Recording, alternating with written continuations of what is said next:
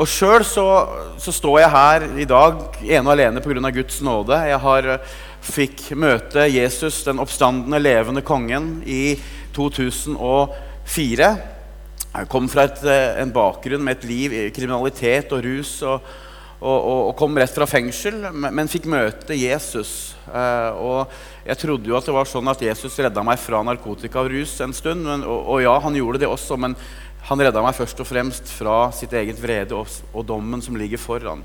Og jeg står her i evig takknemlighet fordi at Jesus Kristus er Herre, og at han er den levende, sanne Gud. Og eh, når du kommer hit på et sted som du ikke er så ofte, så er det hva, hva skal man tale om? Eh, det er ikke så, det er mye å velge mellom. Eh, men jeg, men jeg har valgt å Jeg fikk tillatelse av Jakob til å tale det som som lå meg på hjertet. Eh, ikke ut fra mitt hjerte, men, men, men, det som Gud har minnet meg på, spesielt det siste halvannet året. Og Jeg skal snakke om viktigheten av Guds ord, av Bibelen, og også evangeliet. Så det kommer til å gå litt i hverandre. Eh, så får vi se litt hvor det ender. Men vi er i en tid der det er utrolig viktig at vi kommer tilbake til Guds ord igjen. For vi er nemlig i en tid der det er mange steder i dag som Bibelen ikke blir brukt.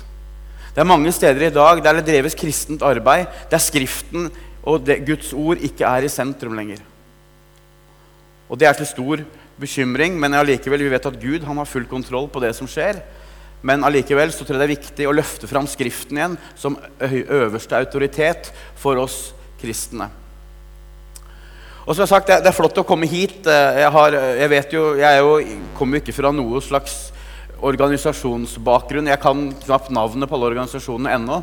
Eh, kjenner ikke så mange menigheter heller, men jeg vet litt om Misjonssambandet. Og det jeg vet om Misjonssambandet, er at det har veldig gode tradisjoner i forhold med forkynnelse. Og Sjøl er jeg blitt veldig velsigna av Øyvind Andersen eh, og Carl Fredrik Wisløff, som jeg hører veldig ofte undervisning av. Og ordentlig god, oppbyggende, dyp bibelforkynnelse. Så det er veldig fint å få lov til å være her i dag. Jeg skal starte med å lese noen vers for oss som skal sette litt kursen for, for det jeg skal snakke om.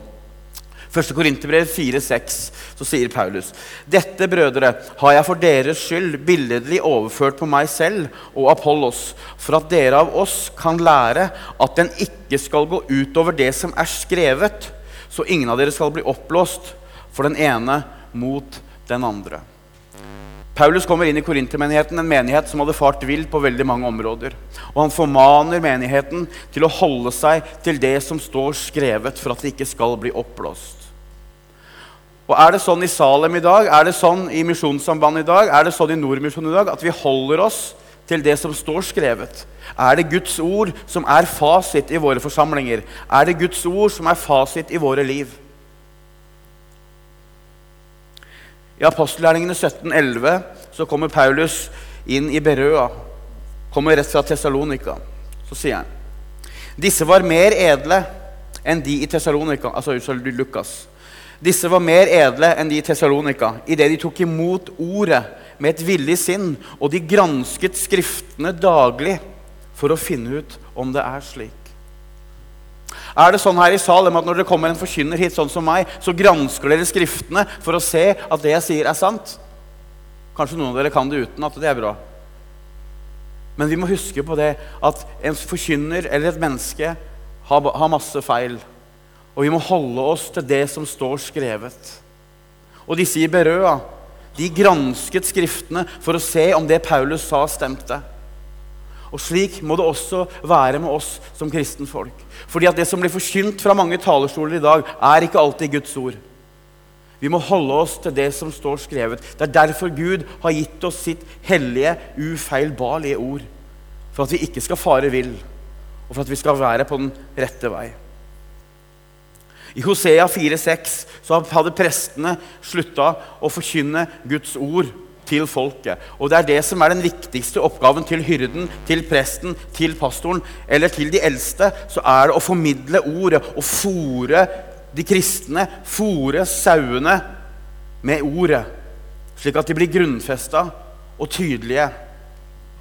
Og I Hosea 4,6 så står det at 'mitt folk blir ødelagt av mangel på kunnskap'.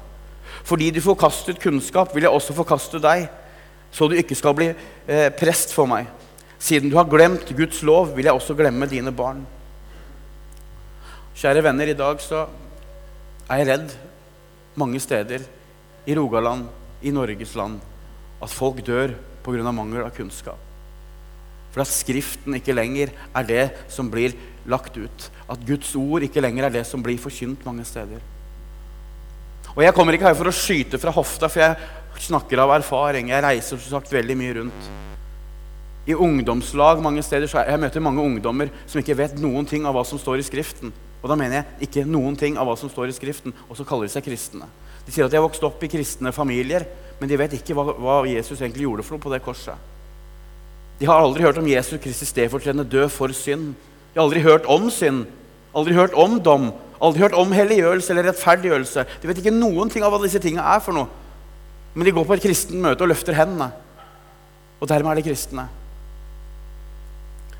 Og mitt folk dør pga. mangel av kunnskap. Dette var en bekymring for. Ja. Når det gjelder Guds ord, så må vi huske på at Guds ord er en manual, det er en fasit, det er et, et hjelpemiddel for den kristne, for det gjenfødte mennesket. Men så kan Skriften også alene lede mennesker til frelse. Men husk, man må være gjenfødt, man må være født på ny for at dette her skal være mat. Man må ha tatt imot Den hellige ånd, tatt imot Jesus som herre, herre og frelser for at Guds ord virkelig skal være mat og veiledning for en. Og det å snakke om Bibelen og viktigheten av Bibelen, det, det tror jeg er veldig viktig i dag. Det må løftes tilbake igjen. Det er et tema som, som også sier veldig mye om hvor, hvor står vi i forhold til Jesus. Hvor står vi egentlig i forhold til Jesus? Kan vi kjenne Jesus uten å kjenne gjennom Skriften? Kan du kjenne Jesus Kristus uten gjennom åpenbaringen av hvem han er i Ordet? Kan du bare lukke øynene dine og så bare tilkalle Jesus uten at du har fått han åpenbart gjennom Skriften? Hvem Jesus tjener vi da hvis vi ikke kjenner han gjennom Ordet? Det handler ikke om å bli teoretiker her, ikke sant, som bare skal sitte og pugge alle vers. Det er ikke det jeg snakker om. Men Gud har åpenbart seg først og fremst gjennom Skriften. Og som jeg begynte med å si, I dagens kristenhet så er det mange steder det nesten ikke blir brukt Bibel. Og man får beskjed om at du, du trenger ikke å bruke, lese Bibelen for å være en kristen. Jeg var på et ungdomsmøte for ca. et halvt år siden, ikke så langt herfra, på Jæren. Jeg skulle tale da den neste lørdagen om å gå ut, om misjonsbefalingen. Matteus 18, nei, 28, 18-20. Og Så dro jeg på møte lørdagen før, for jeg visste at han som skulle forkynne da også, han skulle også forkynne om dette å gå ut fra misjonsbefalingen. Og så tenkte jeg at jeg skulle høre hva han sa, for da kunne jeg på en måte plukke opp der ikke så lenge etterpå, eller da helga etter, så kunne jeg bare fortsette på det han sa. Og dette var en pastor i midten av 30-åra. Han har vært pastor i flere år. Og Han sto altså i 45 minutter og sa til ungdommene du trenger ikke å vite noen ting av hva som står i Bibelen, bare si Jesus. Det sa han i 45, basically 45 minutter. Du trenger ikke å vite hva Bibelen sier. Bare gå ut og si Jesus. Og hva begrunner han det med? Jo, han begrunner det med at for han har gitt all makt i himmel og på jord. Og han bor i deg. Spørsmålet er bor Jesus i deg når du ikke vet hva som står i Skriften. Bor virkelig Jesus i deg da? Og Når vi har en sånn kultur som har begynt å bygge seg opp, da er det viktig for oss kristne at vi setter ned foten og går tilbake til Skriften. Det er ikke sikkert vi noen gang har vært ute av han, men jeg sier at det, i forkynnelsen vår, i fokuset vårt, både i ungdomsarbeid og i menighet, så må vi tilbake til Bibelen. Vi må tilbake til fasiten. For kan vi kjenne Jesus utenom gjennom Skriften? Kan du bli mer lik Jesus uten at du fyller deg med Guds ord?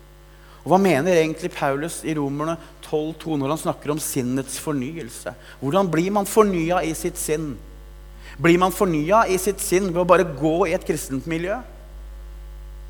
Blir man fornya i et sinn for at man har kristne venner? Nei, man gjør ikke det. Vi har fått Guds ord for at sinnet vårt skal bli fornya. Så vi må tilbake til Guds ord.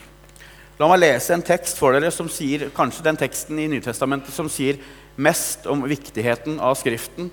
Kanskje ta i litt, men, men en av de, i hvert fall de aller aller sterkeste. 2. Timoteus 3, 15-17, så står det Jeg leser fra vers 14. Men bli du i det du har lært og blitt overbevist om, Du vet jo hvem du har lært av. Og helt fra barndommen av kjenner du de hellige skrifter, som kan gjøre deg vis til frelse ved troen på Kristus Jesus. Hele Skriften er innåndet av Gud og nyttig til lærdom, til overbevisning, til rettledning, til opptuktelse i rettferdighet. For at Guds menneske kan være fullkomment satt i stand til all god gjerning. Og Det er få, om kanskje ingen, passasje i Guds ord som snakker så tydelig om viktigheten av Bibelen både når det gjelder frelse og helliggjørelse, altså å bli mer lik Jesus. Skal vi bli mer lik Jesus, så handler det om sinnets fornyelse. At det, at, det er, at det, er, Guds ord som former oss. For Bibelen er så mye mer enn teori og bare gode råd eller en plikt som vi kristne skal eh, ta til oss. Men det er selve basen som det vi har. Det er selve kraftstasjonen av, av, av, av, hva vi har fått. Guds ord er det viktigste som vi kristne har i dag. Og Hvis vi hadde forstått i dag i Norge altså vi, vi, vi har jo alt. Det er jo ingenting som vi mangler. Men hvis vi hadde forstått hvor velsigna vi er som har tilgang på Guds hellige, ufeilbarlige ord hver eneste dag og hele tida Hvis vi hadde forstått det, så hadde vi ikke gjort noe annet enn å sitte og lest Guds ord, praktisert det og fått budskapet ut. For det finnes mange land i verden der de vil dø bare for å lese litt i denne boka, som vi har full tilgang på hele tida.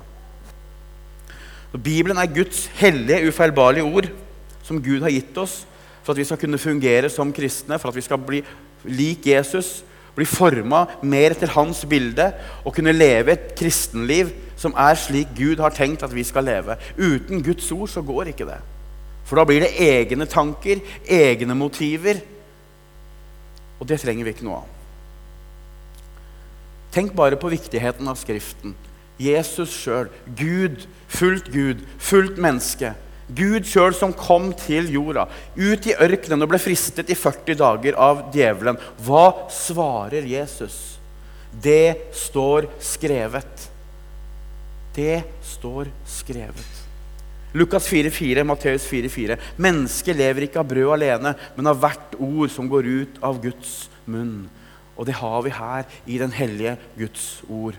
Og Jesus, når djevelen frister ham, han svarer med Guds ord. Han forsvarer seg med ordet. Og folkens, Er dette noe vi lever i? Det betyr ikke at hver gang noen du kommer i en, hvis du kommer i en uoverensstemmelse, så svarer du med et bibelvers. Men er ordet i deg? Er Guds ord i oss? Er det det som bobler over? Er det det som er fokuset vårt? Er det budskapet i Skriften? Er det, er det, er det Jesus Kristus og Han korsfesta? Er det Han som er på innsida av oss, som vi hele tida har lyst til å formidle? Bobler det over på innsiden av kunnskap om, om Guds ord, om Jesus, om Gud Fader, om Den hellige ånd, om hvem Han er, og hva Han har gjort? Eller er det alt annet som tar fokus, og så har vi litt input på søndag? Jeg vet ikke. Min erfaring i hvert fall er at mange steder i dag så er det litt sånn. For sannhetene i Guds ord sammen med troen på Jesus Kristus, drevet av Den hellige ånd, det blir til sammen et liv som en kristen. Jeg sier det igjen. Sannheten i Guds ord sammen med troen på Kristus, drevet av Den hellige ånd, det blir til sammen et ekte liv som kristen. Og Vårt oppdrag som kristne og vår metode det er jo forkynnelsen, det er formidlingen av budskapet om syndenes forlatelse ved troen alene på Jesus Kristus. Og metoden er forkynnelsen. Romerne 10, 14 sier at det, hvordan kan de påkalle en de ikke tror på? Og hvordan kan de tro på en som de ikke har hørt om? Og hvordan kan en høre uten at noen forkynner? Så kommer vers 17. Så kommer da troen av å høre, og det å høre kommer ved Guds ord. Vet Du hva du får høre fra mange talerstoler i dag? Du får høre dette. Forkynn, forkynn, forkynn, og om nødvendig bruk ord. Noe av det mest ubibelske som fins. Han som har blitt påstått å ha sagt det, er en katolsk prest, han sa det ikke engang. Men vi er formidlere av Guds ord. Og skal vi være formidlere av budskapet av Guds ord, så må vi vite hva som står i Bibelen. Og det, og det, viktigste er Jesu Kristi stedfortredende død for synd på korset. At mennesker kan få en ny sjanse av Gud til å bli gjenforent med Han. Det er det viktigste. Hva Jesus gjorde på det korset, er det viktigste. Men Guds ord er også mye mer. Og som ledere, som pastorer, så er det viktig at vi fòrer de kristne med Guds ord. Alle veier, slik at de får mat.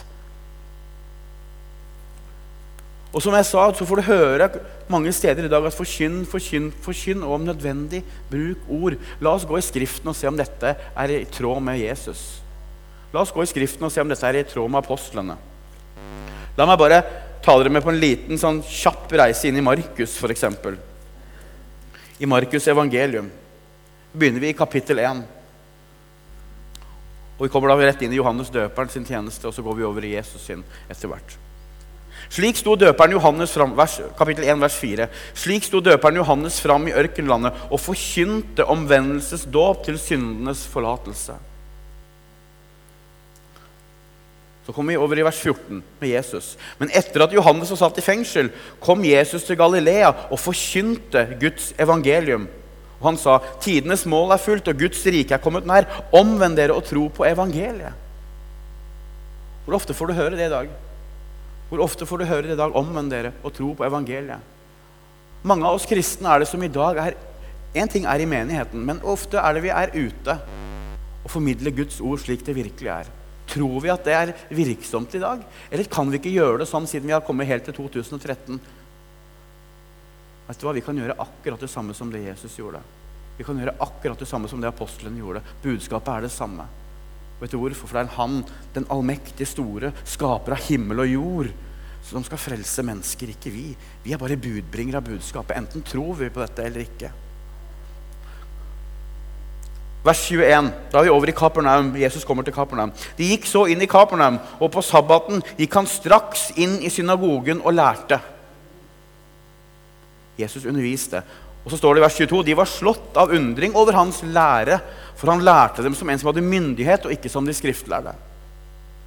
Jesus underviste. Vers 38. Han sier til dem, 'La oss gå til andre steder, til småbyene her omkring.' Så jeg kan forkynne ordet der også, for det er derfor jeg er kommet. Det er derfor Jesus kom. For å forkynne Guds ord, for å formidle hvem han var, hva han skulle gjøre. Så står det videre i vers 39.: Så dro han omkring i hele Galilea og forkynte i synagogene deres. Og han drev ut de onde åndene. I dag er det fort gjort at man prøver å drive ut onde ånder, og så forkynner man ikke Guds ord. Men må, ordet må alltid komme først. Budskapet. Hvem er vi? Hvem er vi? Hva tror vi på? Hvorfor er vi her? Jo, vi er ambassadører for Gud her på jorda. Vi er på en mellomstasjon. Og hva er vårt budskap? Hva er oppdraget vårt? Å lede mennesker til Jesu Kristi føtter, slik at de skal bli frelst og komme til tro, slik at den dagen de trekker sitt siste pust, for det er da det virkelig begynner så skal de få være med Jesus for alltid og alltid. Det er vel det vi tror på? er Det ikke det? Det er dette som er budskapet til oss kristne. Over i kapittel 2, vers 2. Straks samlet det seg mange mennesker, så mange mennesker at de ikke fikk plass, ikke engang ved døren, og han talte ordet til dem. Jesus talte ordet til dem. Vers 13. Han gikk så ned til sjøen igjen. Hele folkemennen kom til ham, og han lærte dem. Og så sa han også i, i vers 17.: Jeg er ikke kommet for å kalle rettferdige, men syndere til omvendelse. Over i kapittel 3, vers 14. Utsendingen av når han utvalgte apostlene. Jesus velger ut tolv apostler. Så står det i vers 14. Han tok ut tolv som skulle være sammen med han, og som han sendte ut for å forkynne. Og ha makt til å helbrede sykdommer og drive ut onde ånder. De ble sendt ut for å forkynne. Vers kapittel 4, lignelsen om såmannen som vi kjenner veldig godt. Kanskje den mest kjente lignelsen som står i evangeliene. Så står det, Han begynte igjen å lære dem ved sjøen. Det samlet seg mye folk om han, og han steg ut i en båt og satte seg ute på sjøen. Hele folkemengden var der på land, og han lærte dem mye lignelser. Og Jesus underviste folket. Jesus underviste folket. Og hva er, hva, er han, hva er, det han sådde med? Altså, hva er det såmannen så med? Vers 14. Såmannen sår ordet. Såkornet er Guds ord. Hvor hen vi er så er det Guds ord som vi skal formidle. Det er det som er budskapet vårt. Kapittel, nei, Vi er fortsatt i kapittel 4, vers 33. Ja, da er vi over i alle lignelsene som Jesus fortalte her i Markus 4. Og i mange lignelser talte han ordet til dem, så mye som de var i stand til å høre. Han talte ordet til dem. Over i kapittel 6. Da det ble sabbat, begynte han å lære i synagogen. Vers 6. Og han undret seg over deres vantro. Han dro så rundt i landsbyen der omkring og lærte. Vers 12. Da, de dro da ut og forkynte for folket at de skulle omvende seg. Vet du hva? Disse tingene her har vi gått bort fra i dag. Hvor ofte snakker vi om omvendelse til syndenes forlatelse i dag? Jeg kan være helt ærlig, jeg hørte ingenting om det før jeg hadde vært, kalt meg kristen i seks år. Da hørte jeg det for første gang. Kapittel, vers 34. Han hadde inderlig medynk da han mette de 5000. Han hadde inderlig medynk med dem, for de var som får uten hyrde, og han begynte å lære dem meget. Det er en ganske viktig del av det når han metta de 5000. At han lærte de først. Om noen har ører å høre med, han høre. Altså, vi skal høre Guds ord. Jeg kunne fortsatt og fortsatt og fortsatt. Men Guds ord er det Jesus forkynte. Apostlene reiste rundt og forkynte Guds ord. Vi som kristne skal formidle budskapet, og budskapet står i Skriften. Og hvis vi ikke kommer tilbake til det igjen, hvordan skal vi da forvente at mennesket blir frelst? Hva er det som frelser et menneske? Jo, det er å høre ordet. Og så er det Den hellige ånd som virker gjennom ordet og minner om synd, dom og rettferdighet. Så Guds ord presentert og forkynt av mennesker det er Guds plan for å nå mennesker. Det er slik han har, det slik han har lagd det. Slik har Gud ordinert det. At vi skal forkynne ordet og nå mennesker på den måten. Så er vi i dette vers, vers 14, eh, som, eh, vers, unnskyld, vers 15, 2. Timoteus 3.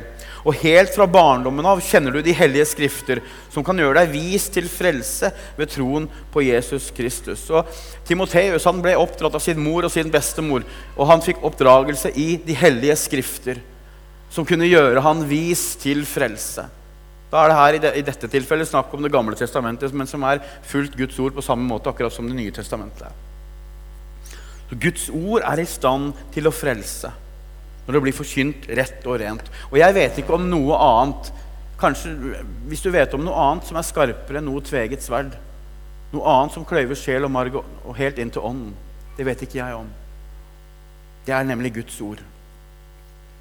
Så Vi leser altså i vers 15 her at Bibelen gjør oss vis til frelse ved troen på Kristus. Og Tenk så viktig det er at vi kommer tilbake til undervisning fra ord igjen. Jeg, det regner med at det er god undervisning her i Salem. Men når jeg sier at vi må komme tilbake, så snakker jeg om kristenheten generelt i Norge. Min opplevelse av det. Jeg tar ikke alle under én kam heller, men min, jeg snakker ut fra den opplevelsen jeg har. Og jeg, Du trenger ikke å reise langt rundt her i Rogaland før du finner steder der Bibelen ikke blir brukt i hele tatt, eller det kalles et kristent arbeid. Så Timoteus sin oppvekst var jo før Det nye testamentet ble skrevet. Så han ble opplært gjennom Det gamle testamentet. Og hele Det gamle testamentet også peker jo på Kristus. Jesaja 53 er jo et av de mest kjente og mest tydelige skriftstedene om den lidende Messias, tjeneren som skulle komme. Og vårt oppdrag som kristne er å fortelle og vitne og leve ut det som står i Bibelen, slik at mennesker skal bli frelst. Og Derfor så er det helt avgjørende hvor mye tid vi bruker i Guds ord. Her er vi forskjellige som mennesker, hvor mye, hvor mye konkret tid man bruker. Men det må være Bibelen som er det som vi fyller oss med. Skal vi holde oss til den sanne og den sunne og den rette lære, så må det være Guds ord som blir forkynt, og, være, og som vi hører, og så må det være Guds ord som vi tar til oss. Ingenting annet, for det er det Gud har gitt oss. I vers 16 så står det at hele Skriften er innåndet av Gud og nyttig til lærdom, til overbevisning, til rettledning og til opptuktelse i rettferdighet. Og Dette er et veldig veldig viktig vers, for her står det at hele Skriften er innåndet av Gud. Og så er det noen som prøver å si ja, men her mener Paulus bare Det gamle testamentet. Men det er helt feil, for Paulus visste at det han skrev der og da, er innåndet av Gud. Han visste at han var lest Galaterbrevet. Ikke har jeg mottatt det noe, noe menneske, men av Jesu Kristi åpenbaring. Paulus fikk alt rett fra Gud sjøl, til motsetning fra oss som får det fra Skriften. Det vil si at Paulus, Johannes, Matteus, Markus og Lukas de har lagt sitt preg selvfølgelig på de skriftene, men alt er inspirert av Den, av den hellige ånd, slik at det fins ingen feil i Bibelen. Det fins ingen motsetning, og du finner det faktisk ikke. Det er mennesker som prøver, forskere osv., som prøver å finne motsetninger i Skriften, men du finner det ikke. Ved første øyekast så kan du finne noen vers som du kan sette opp mot hverandre, men du må lese det i kontekst og i helhet og gå inn og granske Skriftene, slik som de bør Børøa, så vil du se at det ikke er noen motsetninger. Så alt som står i Skriften, skal vi ta til oss. Og Guds ord det gjelder for oss i dag. Vet du hva? Jeg hadde en, en runde med, med, en pastor for en, et, et, drøyt år siden i en menighet der jeg sjøl var ganske aktiv. Og så merka jeg at, Guds ord ble, ble ikke forkynt. Altså, man hoppa over så mange store steder. Og så gikk jeg inn, og så, i, som jeg tror er rett å gjøre, at jeg tok med meg Bibelen og så dro jeg for å treffe. Og så satte jeg meg ned og så Se her. Se hva som står her. og det var flere konkrete temaer. Jeg skal ikke gå inn på dem nå, for da blir jeg begynne å prate om det. og det har jeg ikke tid til. Men, men, men, men det var flere temaer da, i Det nye testamentet som er krystallklare. Se her. Og så sier han pastoren nei, men dette har ikke jeg noe kall til. Har du ikke kalt det dette? Men det står skrevet. Dette er, dette er det vi skal forholde oss til. Og så utfordra jeg ham på det, og så, og så ringte han meg etter to dager. Og så sa han, du hadde funnet, ut om dette temaet. At, husk på at Paulus han var så prega av den tida, så den måten Paulus skrev det på da, det gjelder ikke i dag. Og husk at dette her er ikke noe spesielt tilfelle. Dette er ganske vanlig rundt om mange steder der man tror at Paulus var preget av sin syndige natur, slik at noe av det han skrev, kan vi ikke ta for god fisk. Og vet du hva vi gjør til da? Da er det mennesket plutselig som blir suverent og allmektig. For vi skal plukke sannheter. Men vet du hva? Gud har gitt oss ordet, som er sannhet. Hellige dem i ditt ord, sier Jesus. Ditt ord er sannhet. Når han ber Jesu ypperste prestelige bønn i Johannes 17. Guds ord det gjelder for oss i dag på samme måte. Hvordan vi skal drive menighetene våre. Guds ord gir svaret. Ekteskapene våre. Guds ord gir svaret. Hvordan bli mer lik Jesus. Guds ord gir svaret. Hvordan nå mennesker. Guds ord gir svaret. Vi har alt vi trenger i Bibelen og mer til. Vi må bare tørre å stole på det. Jesus sier sjøl i Johannes 8,31 så sier han, 'Dere er i sannhet mine disipler dersom dere blir i mitt ord.' Det vil si, hvis vi ikke blir i ordet, er vi i sannhet da Jesus sine disipler? Det spørsmålet må vi stille oss. Hvis ikke det er Bibelen som blir brukt, hvis det ikke er Guds ord Når vi skal legge en strategi for menigheten Hvis vi skal legge strategier, jeg vet ikke om man gjør det lenger. Hvis man skal, hvis man skal finne noen svar når vi skal lage en cellegruppe eller, eller en huskirke, altså, hva, hva, er det som skal gjøres slik at den skal fungere? Hva er det som skal formidles? Og det må da være ut fra Bibelen. Det er Guds ord vi skal bruke. For vi er disipler av Jesus Kristus i dag. På samme måte som de som vi leser om i Skriften, så er vi disipler. Selv om vi er forma og vi har så mye annet rundt oss. Men vi er Jesu Kristi etterfølgere. Og elsker vi Jesus, så sier han i Johannes 15, 14, så holder vi hans bud. Vi gjør som han sier. Han er herre. Jesus er ikke bare frelser og venn som han har bare i armkroken og tar fram. Han er herre. Han er Gud. Den allmektige, store skaper av himmel og jord. Men ja, også vår venn. Og han har gitt oss sitt ord. Og Jesus sjøl sier det jo i nettopp sin ypperste prestelige bønn i Johannes 17, når han ber til Faderen 'Jeg har gitt dem ditt ord'. Salme 19, vers 7 sier at 'Herrens lov er fullkommen, den omvender sjelen'. Herrens lov er fullkommen, den omvender sjelen. Så ser vi videre i dette verset som vi akkurat var i vers 16, at, at, at Guds ord er nyttig til lærdom, til overbevisning, til rettledning, til opptuktelse i rettferdighet. Altså Guds ord Jeg skal ikke gå inn på alle, på, på alle de enkelte tinga der, men, men det det, hvis du oppsummerer det verset der, så er Guds ord nok til alt. Når Guds ord blir inntatt, når Guds ord former, så kommer det neste verset på sin rett. Da blir vi satt i stand til all god gjerning. Og Det er en veldig viktig rekkefølge. For i dag så går man ut og så gjør man masse masse gode gjerninger overalt, og så er man ikke grunnfesta i ordet. Men når Guds ord blir inntatt i oss, når det er Guds ord som former oss, så vil vi bli satt i stand til all god gjerning. Det er mer enn nok. Jeg var på UL i fjor. Da traff jeg en gjeng som sto der og hadde stand. Og de skulle formidle noe til meg og jeg. Og jeg eh, det var da selvfølgelig kristne ungdommer. og de kjente ikke meg, så jeg kom dit. og så, De trodde sikkert ikke at jeg var kristen. Og når det kommer tatoveringer overalt og ser ut sånn som du jeg gjør, så vil du ikke sikkert tro jeg er kristen. Det er helt greit. Det syns jeg bare er artig. Men, for da kan jeg formidle evangeliet til dem. Men, men um, så kom jeg dit, og så spurte de meg um, Vil du lære å helbrede. Så sa jeg, 'Lære å helbrede', sier jeg. Kan du fortelle meg hva evangeliet er for noe? Og så ble de helt sånn. Og de kunne ikke svare. Og det var på UL, som er en solid kristen ungdomsfestival. Så spurte jeg dem ja, vet dere hva Guds ord sier. Vet dere hva budskapet vårt er for noe. Hvem, hvem, hvem er du som kristen? Hva er identiteten din? Og De kunne nesten ikke svare. Jeg prøvde, jeg prøvde, ikke å sette dem sånn på plass, jeg prøvde bare å snakke med dem, få en sånn samtale. Men de visste ikke hva Guds ord sa om veldig, veldig mange ting. Vårt budskap som Skriften formidler, er jo først og fremst hva Jesus har gjort på korset. Ikke helbredelse. Hvis Gud velger å helbrede, så sier jeg amen. Hvis Gud velger å gjøre noen, noen, noen mirakler, amen. Jeg sier takk og lov. Men først og fremst er, jo, er det ikke helbredelse som er budskapet vårt. Budskapet er jo omvendelse til syndenes forlatelse, tilgivelse av synd. Det er det vi må tilbake til.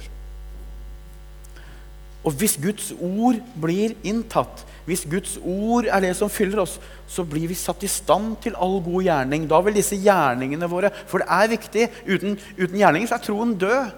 Altså Hvis ikke troen manifesterer seg i et liv, i etterfølgelse, i lydighet til Skriften, til kjærlighet til Jesus, så, så er troen død. For beviset på den oppriktige troa er jo bl.a. livet man lever. Og det handler ikke om å vaske biler og rake hager og handle for eldre. Det er, det er, ikke bare det, selv om det er gode gjerninger. Men disse gjerningene som, som det er snakk om, det er å tilbe. Tilbe ved Jesus. Og som jeg pleier å stille til mange ungdommer er Jesus herre når du er aleine? Jeg sto på møte og prisa Gud sånn her, jeg, og så så jeg noen så på meg i flere år. Og så kom jeg hjem og så la jeg liksom ting litt fra meg. Helt til for to år siden jeg hørte en undervisning om omvendelse til syndenes forlatelse av bl.a. Øyvind Andersen. Og Så talte Guds ord til meg på en annen måte som det aldri har gjort før.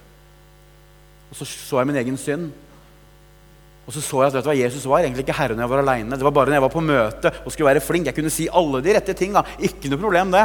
Kunne holde fine taler, og så folk både klappa og jubla. Hva er det det jeg er kalt til? Plutselig så, så jeg min egen synd. Og når er det jeg så min egen synd? Jo, når ordet ble forkynt rett og reint. Når jeg fikk den sunne lære forkynt av Øyvind Andersen gjennom Internett. Da så jeg min egen synd. Og vet du hva? Da måtte jeg knele og bekjenne. Og så ble Jesus herre når jeg var aleine også. Og det er et veldig utfordrende utsagn. Jeg sa det til en prest.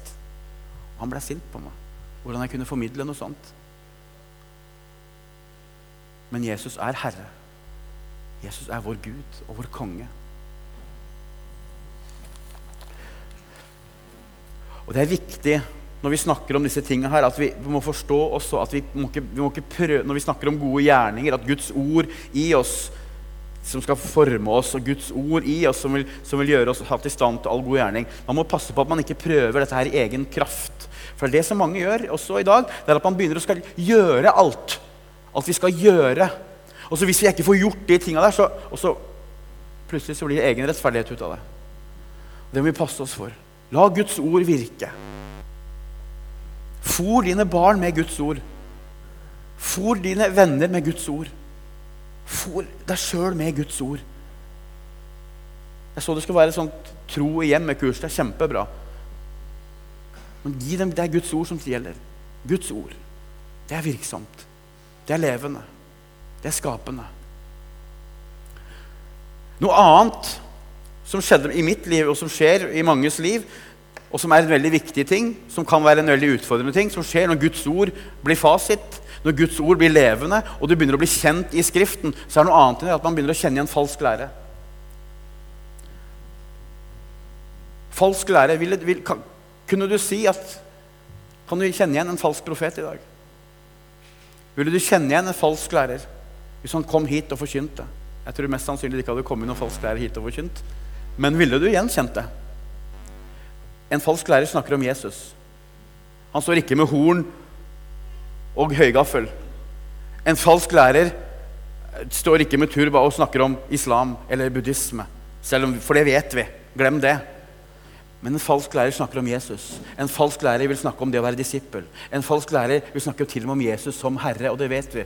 Matteus 7, 21-23, så sier Jesus på dommens dag ikke alle som sier til meg 'Herre, Herre', vil arve Guds rike, men den som gjør min himmelske Fars vilje. Og så svarer de med ja, men Herre, vi har jo, vi har jo drevet ut onde ånder i ditt navn. Vi har profetert i ditt navn. Vil vi kjenne igjen falsk lære? Grunnen til at jeg begynte å kjenne igjen falsk lære, er for at jeg har vært under falsk lære i flere år fra trosbevegelsen. Og det er ikke alle i trosbevegelsen som er falsk lære, men mange er det. Og de inn, kommer inn over dette landet i store, store drag. La meg bruke et eksempel som er veldig lett gjennomskuelig i dag. Joel Osteen, pastor i Lakewood, Texas, samler 30 000 medlemmer eh, på, på møte hver eneste søndag. Hva er det han forkynner for noe? Jo, noen ganger så plutselig så hører du Jesus. Men han sier bare du tenker positivt, så vil det bli sånn. Alt du vil ha, alt det du skal få, det, det, får du. Bare henvend deg til Jesus og tenk de gode tankene. Hvis du har en sånn bunke med regninger, så snakk til den regningen, de regninger og, så vil, og så vil det komme penger inn på din konto så bruker han et sjeldent bibelvers i ny og ne til å begrunne disse tingene her. Og første, Når du hører disse tingene her, så vil de som er den sunne lærer, vil avsløre dette her med en gang. Men de snakker om Jesus. Men vit en ting, de snakker ikke om den samme Jesus. De sier at Jesus Kristus fikk Satans natur på korset. Bom, der detter alt. Jesus fikk ikke Satans natur på korset. De sier at Jesus var tre dager i helvete og måtte lide der. Feil. Jesus sa 'det er fullbrakt'. De sier også at tro det er noe du kan snakke ut, og så blir det eksistens. Vet du hvorfor? For de kaller seg små guder. Hvem er det som taler ut, og så blir det sånn? Det er Gud. Det ble, ble lys, og det ble lys. Falsk lære sprer seg innover landet vårt med store drag. og du, Hvis du ikke kjenner igjen disse tingene, så er det kjempeskummelt. For du har ikke egne menigheter som alene følger denne teologien, men de sniker seg inn litt her og der. Så plutselig så blir det en sånn en miks. Og vi skal advare mot det. Matteus 16, vers 6-12, så advarer Jesus mot fariseernes surdeig og fariseernes lære. Han sto offentlig og advarte mot dem. 1. Timoteus 1, 3-4 så så sier Paulus Det første Paulus sier til Timoteus, er da jeg dro til Makedonia, ba jeg deg bli i Efesus, så du kunne formane visse folk til ikke å fare med fremmed lære. Så navngir to stykker i vers 20. Blant dem er Hymnius og Alexander. Dem har jeg overgitt til Satan for at de skal bli tuktet, så de lar være å spotte. Og Jeg forsto det etter, å ha kalt meg sjøl en kristen i fem år, da egentlig alt handla om helbredelse og tegn og under, at jeg egentlig hadde fulgt falsk lære så lenge. Helt til jeg fikk høre om korset. Og Jesus det fortjener død for synd. Og Det er utfordrende ting når vi kommer borti de tinga, men vi må tørre å stå i det. Vi må tørre å snakke om det, fordi at det er rundt oss mange, mange steder. I vers 17 så står det da, som jeg sa, for at Guds menneske kan være fullkommen satt i stand til all god gjerning. Så gjerningene våre, livet våre, det blir forma av at Guds ord virker i oss. Og Vi var inne på Romerne 12,2 i begynnelsen. Skykt dere ikke lik denne verden, men bli fornyet i deres sinn. Vet du hva, Vi som kristne, når vi inntar ordet, når vi lever i fellesskap med Jesus Kristus, så er vi annerledes. Vi er et helt annet folk. Vi er i verden, men vi er ikke av verden. Vi er her på et oppdrag for å formidle de gode nyhetene. Og Gud bruker sitt ord for å fornye oss. Han bruker sitt ord for å utruste oss, slik at vi får komme ut med disse gode nyhetene. slik at vi kan få lov av Guds nåde alene til å lede mennesker til Kristus. For det er det som er oppdraget vårt. Alle mennesker i dag trenger Jesus. Hvorfor? På grunn av synd. Alle trenger tilgivelse. Alle trenger nåde. Hvert eneste menneske. Det er ikke et eneste menneske som er rettferdig. Det er ikke én som gjør det gode, sier Paulus. Og blir dette formidla i dag? Tør vi å snakke om synd? Vet du hva? Den hellige ånds oppgave, En av de viktigste oppgavene er å minne om synd og dom og rettferdighet. Og Hvis det ikke er snakk om synd og dom og rettferdighet, er Den hellige ånd med da? Det kan du stille spørsmål på. Så ved å innta ordet daglig, være i bønn, så vil man gradvis bli lik, mer lik Jesus. For det er det som er min bønn for mitt liv. Det er å bli mer lik han. Bli mer lik Jesus. For hvis jeg blir mer lik Jesus, så er jeg en mye bedre ektemann. Mye bedre far. En mye bedre venn. Og jo mer lik jeg blir Jesus, jo større forutsetning har jeg også for å formidle Guds ord slik som det virkelig er. Men jeg vet at den eneste måten at jeg skal bli mer lik Jesus på, det er at Jesus må få tale til meg. Jesus må få forme meg, og han gjør det først og fremst gjennom sitt hellige ord. Og det må vi komme tilbake til. At det er ordet som former oss. Det er Guds ord som er fasit. Jeg får ikke sagt det mange nok ganger. Sagt, du aner ikke hvor mange ganger jeg har talt om dette siste året. Jeg har gjort det helt bevisst. Det er så mange andre ting jeg har lyst til å tale om, jeg, men, men, men jeg må snakke om det fordi at det dessverre ikke blir brukt så mye lenger. Romerne 8,29 sier at for dem han forutkjente, dem har han også forutbestemt til å bli likedannet med hans sønns bilde. Dette er de kristne. De som han forutkjente. Dem har han forutbestemt til hva? Til å bli lik Jesus. Og tenk at En dag så skal vi få bli lik Jesus. Ikke helt lik, vi kommer aldri til å bli Gud, men vi kommer til å få se han slik han er. Skal vi bli lik Jesus, så er Bibelen avgjørende. Skal vi bli mer kjent med Jesus, så er Bibelen avgjørende. Og Bibelen er vårt hovedredskap som kristne. Alle sammen kjenner sikkert teksten i Efeserne 6, 11-18 om Guds fulle rustning. Hva er det Guds fulle rustning? Hva er det hva er det, det snakkes om der? Jo, det er en slags er en, Paulus bruker jo bildet på en romersk soldat. Vi har brynja, og vi har skjoldet, og vi har sverdet, og vi har sko og frelsens hjelm osv. Hva dette betyr? Jo, dette betyr en beskyttelse for den kristne mot djevelens listige angrep, som blir betegna som eh, piler med, med, brennende piler som kommer. Og alt er beskyttelse. Brynja er beskyttelse, hjelmen er beskyttelse. Men vi har ett våpen. Vi har ett våpen. Ett våpen på rustningen. Hva er det for noe? Åndens sverd. Vers 17. Hva er åndens sverd? Det er Guds ord. Det er Guds ord. Og hvis vi hadde forstått kraften i det der Og det er så utrolig viktig Vi har fått ett våpen, og det er Guds ord. I Bibelen så er Gud åpenbart for oss. Og her kan vi bli kjent med Han, ikke, gjennom, ikke som teori, men som, levende, som den levende Guds ord. Det andre sted som Gud har åpenbart seg for mennesker, er gjennom naturen. Men du blir ikke frelst av å se store fjell og, og, og, og fine hav osv. Vi trenger Kristus. Tro alene på Kristus. Så hvis vi ikke kjenner Jesus gjennom Bibelen, så kan det godt hende at vi ikke kjenner ham. Hvis vi ber til en Jesus som vi ikke har blitt fått åpenbart gjennom Skriften, hvis vi ber til, til en Jesus som, som, som ikke kjenner gjennom Ordet, så kan det hende at vi ber til en annen Jesus enn den vi egentlig vil be til. Og i dag i menighetene våre, i Salem, eller på Misjonshuset på Vigrestad, eller på alle bedehusene rundt om, så er vi jo enige om at Jesus er Herre. Jeg tror alle er enige om at Jesus er Herre. Og skal Herren bli hørt, skal kongen bli hørt, så er det at ordet må ut. Jesus blir hørt gjennom sitt ord ordet blir forkynt, så blir Jesus hørt. Så la Guds ord og la Jesus være herre. Og la Guds ord være det som preger menigheten. Og når vi er enige om da at Bibelen er fasit, Bibelen er sentrumet, Bibelen må vi holde oss til, Bibelen må være det vi lærer av, Bibelen må være der vi henter svar, der vi begrunner ting. Vi må begrunne det vi gjør med Skriften. Og så er budskapet vårt å gå ut og gjøre alle folkeslag til disipler idet vi døper dem i Faderens, Sønnens og Den hellige ånds navn. Og så skal vi lære dem å holde alt jeg har befalt dere, sier Jesus. Og det står i Skriften. Men hvordan gjør vi disse disiplene? Jo, vi går ut. Og hva er det vi formidler? Hva er det vi tror på?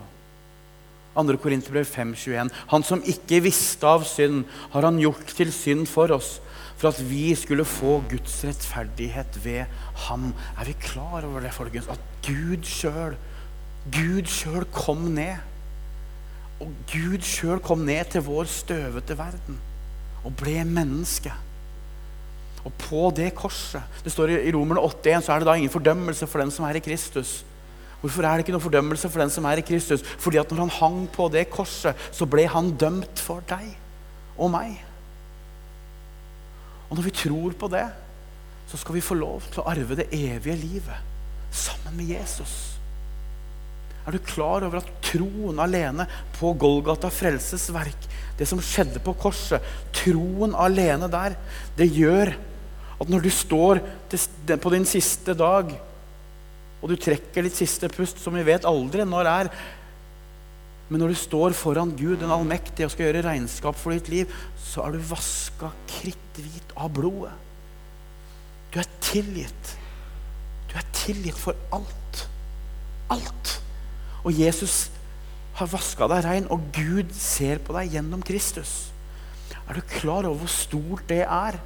At når egentlig når Guds ord sier, bl.a. gjennom Romerbrevet, at alle har synda, alle fortjener egentlig vreden og dommen. Alle. Men Gud i sin godhet sendte Kristus for at du og jeg ikke skal gå fortapt. For så høyt har Gud elsket verden at han ga sin sønn den enbårne for at hver den som tror på han ikke skal gå fortapt. 1. Korinterbrev 15 sier at det er evangeliet som frelser. Evangeliet, hva er det for noe? 1. Johannes 4,10.: Dette er kjærligheten. Ikke at vi har elsket Gud, men at Han har elsket oss og sendt sin sønn til soning for våre synder. Tenk for noen fantastiske nyheter. Og det er dette som må formidles, folkens. Det er dette vi må tilbake til. Ja, vi skal lære om nådegaver. Ja, vi skal lære om skapelse. Ja, vi skal lære om helliggjørelse, men det må aldri bli sånn at det går lang, lang tid uten at forsoningsverket er i sentrum. Det er det som er budskapet vårt. Og når vi skal lære opp mennesker og ungdommer i dag som skal gå ut, så må vi lære dem først og fremst hva korset er for noe, hva Jesus gjorde. Og formidle dette til mennesker. For hva er de gode nyhetene? Jo, de gode nyhetene er at Gud faktisk er god. Gud er god. Gud er full av nåde og tilgivelse. Men den nåden og tilgivelsen fins kun gjennom Kristus, Jesus alene.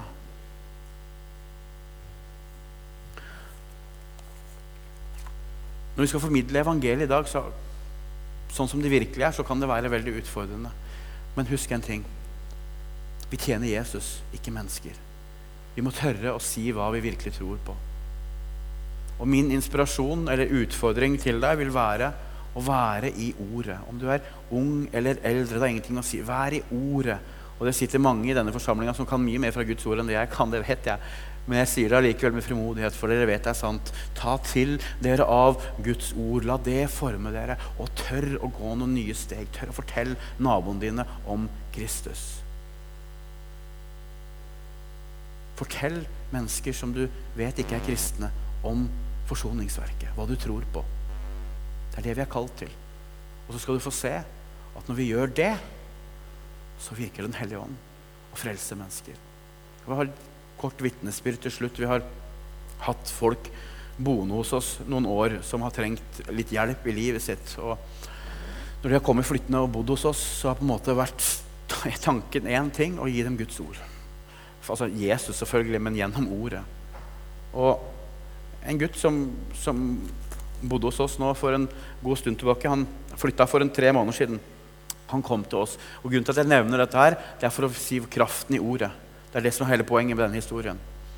Han kom til oss, og han kom nesten fra gata, sliten, ganske ødelagt. Han kommer faktisk fra en kristen familie, men gikk bort fra det ganske tidlig. Og han kom, han var helt, helt ødelagt. Første dagen som han kom til oss, så var han rusa. Så at De første, første ukene så var vi litt sånn sykepleiere hjemme hos han. Men ut fra min egen erfaring ut fra kona mi sin erfaring, så vet vi at Guds ord virkelig, det virker. Og jeg tror på en levende Jesus som fortsatt kan frelse, og som gjør mirakler i menneskers liv. Så jeg satte meg ned med han hver eneste kveld. Eller han lå til å begynne med.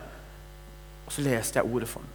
Så begynte jeg å gå gjennom eh, bare bergprekenen. Og så gikk jeg over i evangeliet. Og så gikk jeg inn i bergprekenen og så over i evangeliet. Bergprekenen over i evangeliet. Sånn gjorde vi hver kveld etter to uker. Og det var egentlig ikke noen sånn kjemperespons. Etter to uker så jeg det, satte vi oss ned. Og så begynte jeg å gå inn i slutten kapittel 7 i bergprekenen. Og så gikk jeg over i evangeliet. Og så, og så reiser han seg opp i stua vår og så begynner han å gråte. Han så sin egen synd, og så knelte han i stua. Og så bekjente han Jesus som herre og frelser. Helt plutselig. Vet du hvorfor? Fordi at Guds ord er skarpere enn noe tveget sverd. Det kløyver ånd og sjel og marg og ben og dømmer hjertets tanker. Jesus Kristus virker gjennom sitt ord, og i dag så er han, han er født på ny. Han er en ny skapning, og han lever med Jesus nærmere enn mange jeg kjenner. Det er helt fantastisk å se. Så ikke mist troa på Guds ord. Og selv om dere møter motstand på det, det kan bli kalt konservativ alt mulig, stå på sannheten. Stå på Guds ord. Ikke vik bort fra det. Tjen Han, ikke mennesker. For når vi tjener Han, så tjener vi mennesker. Når vi tjener Han, så tjener vi mennesker slik som vi skal. La oss be til slutt. Herre Jesus Kristus, jeg bare takker deg for at du er her. og Jeg takker deg, Herre Jesus, fordi at du har kommet til vår jord. Og takk, Herre Jesus, for det som du gjorde på korset, på Golgata, for 2000 år siden, Herre. Tusen, tusen takk for at du er en nådig Gud som strekker ut hånda til syndere som trenger omvendelse. Og takk, Herre, for at du svarer bønn, og takk for at du frelser. Og takk, Herre, for at du er den samme i dag, ja, til evig tid. Herre Jesus, jeg vil be for Salem misjonsmenighet her. Må du velsigne Jakob og lederskapet her. Må du velsigne forsamlinga, Herre Jesus. Herre, må du utruste hver enkelt som går her, Herre, til, til å bli enda mer lik deg. Må du bruke Salem, Herre Jesus, som ditt redskap her i Stavanger til å formidle sannhet. Til å formidle ditt ord. Og Herre Jesus Kristus, må du bruke Salem til å lede mennesker til deg selv. Herre, måtte Salem være en sannhetens kilde midt i Stavanger, Herre Jesus. Og Herre Jesus, jeg takker deg for det som du har gjort i denne menigheten her. Og Jeg takker deg for det du gjør. Og jeg takker deg for det som ligger foran, Herre. Jeg legger alt arbeid, legger lederskapet, eldsteråd, styrer, alt i dine hellige hender og ber om din ledelse, kjære Jesus. Og Herre Jesus Kristus, vi priser deg, og vi tilber ditt hellige navn, for du er Gud. Herre, vi løfter opp deg som, som skaper av himmel og jord. Sannhetens Herre og vår konge. Tusen, tusen takk, Herre, for at du har frelst meg, og takk for alle som du har frelst, som er her i dag, kjære Jesus. Jesus, vi bekjenner med vår munn at du er Herre, og vi tror at du er den sanne og levende Gud. Og vi tror, Herre Jesus, på det du gjorde på Golgata kors for syndere som oss. Vi tror at du sto opp igjen, og vi tror at du en dag kommer tilbake og skal dømme levende og døde, Herre. Og Herre Jesus, fram til den dagen. Og Herre, må du hjelpe oss til å leve i dine fotspor. Herre, gi oss frimodighet, gi oss styrke, gi oss kraft. Og så ber jeg, Herre, om at ditt ord igjen blir fasit på bedehus, i menigheter og forsamlinger rundt om. At ditt ord er det som igjen blir brukt til å disippelgjøre. At ditt ord er det som blir brukt, Herre Jesus, for å bli mer kjent med deg. Må du minne ledere, må du minne ungdomsledere på det rundt om, Herre Jesus. Herre, velsign denne søndagen og resten av denne dagen. Vi tilber deg, og vi priser ditt hellige navn. All ære til deg. Du skal ha all ære, kjære Jesus, i ditt navn. Amen.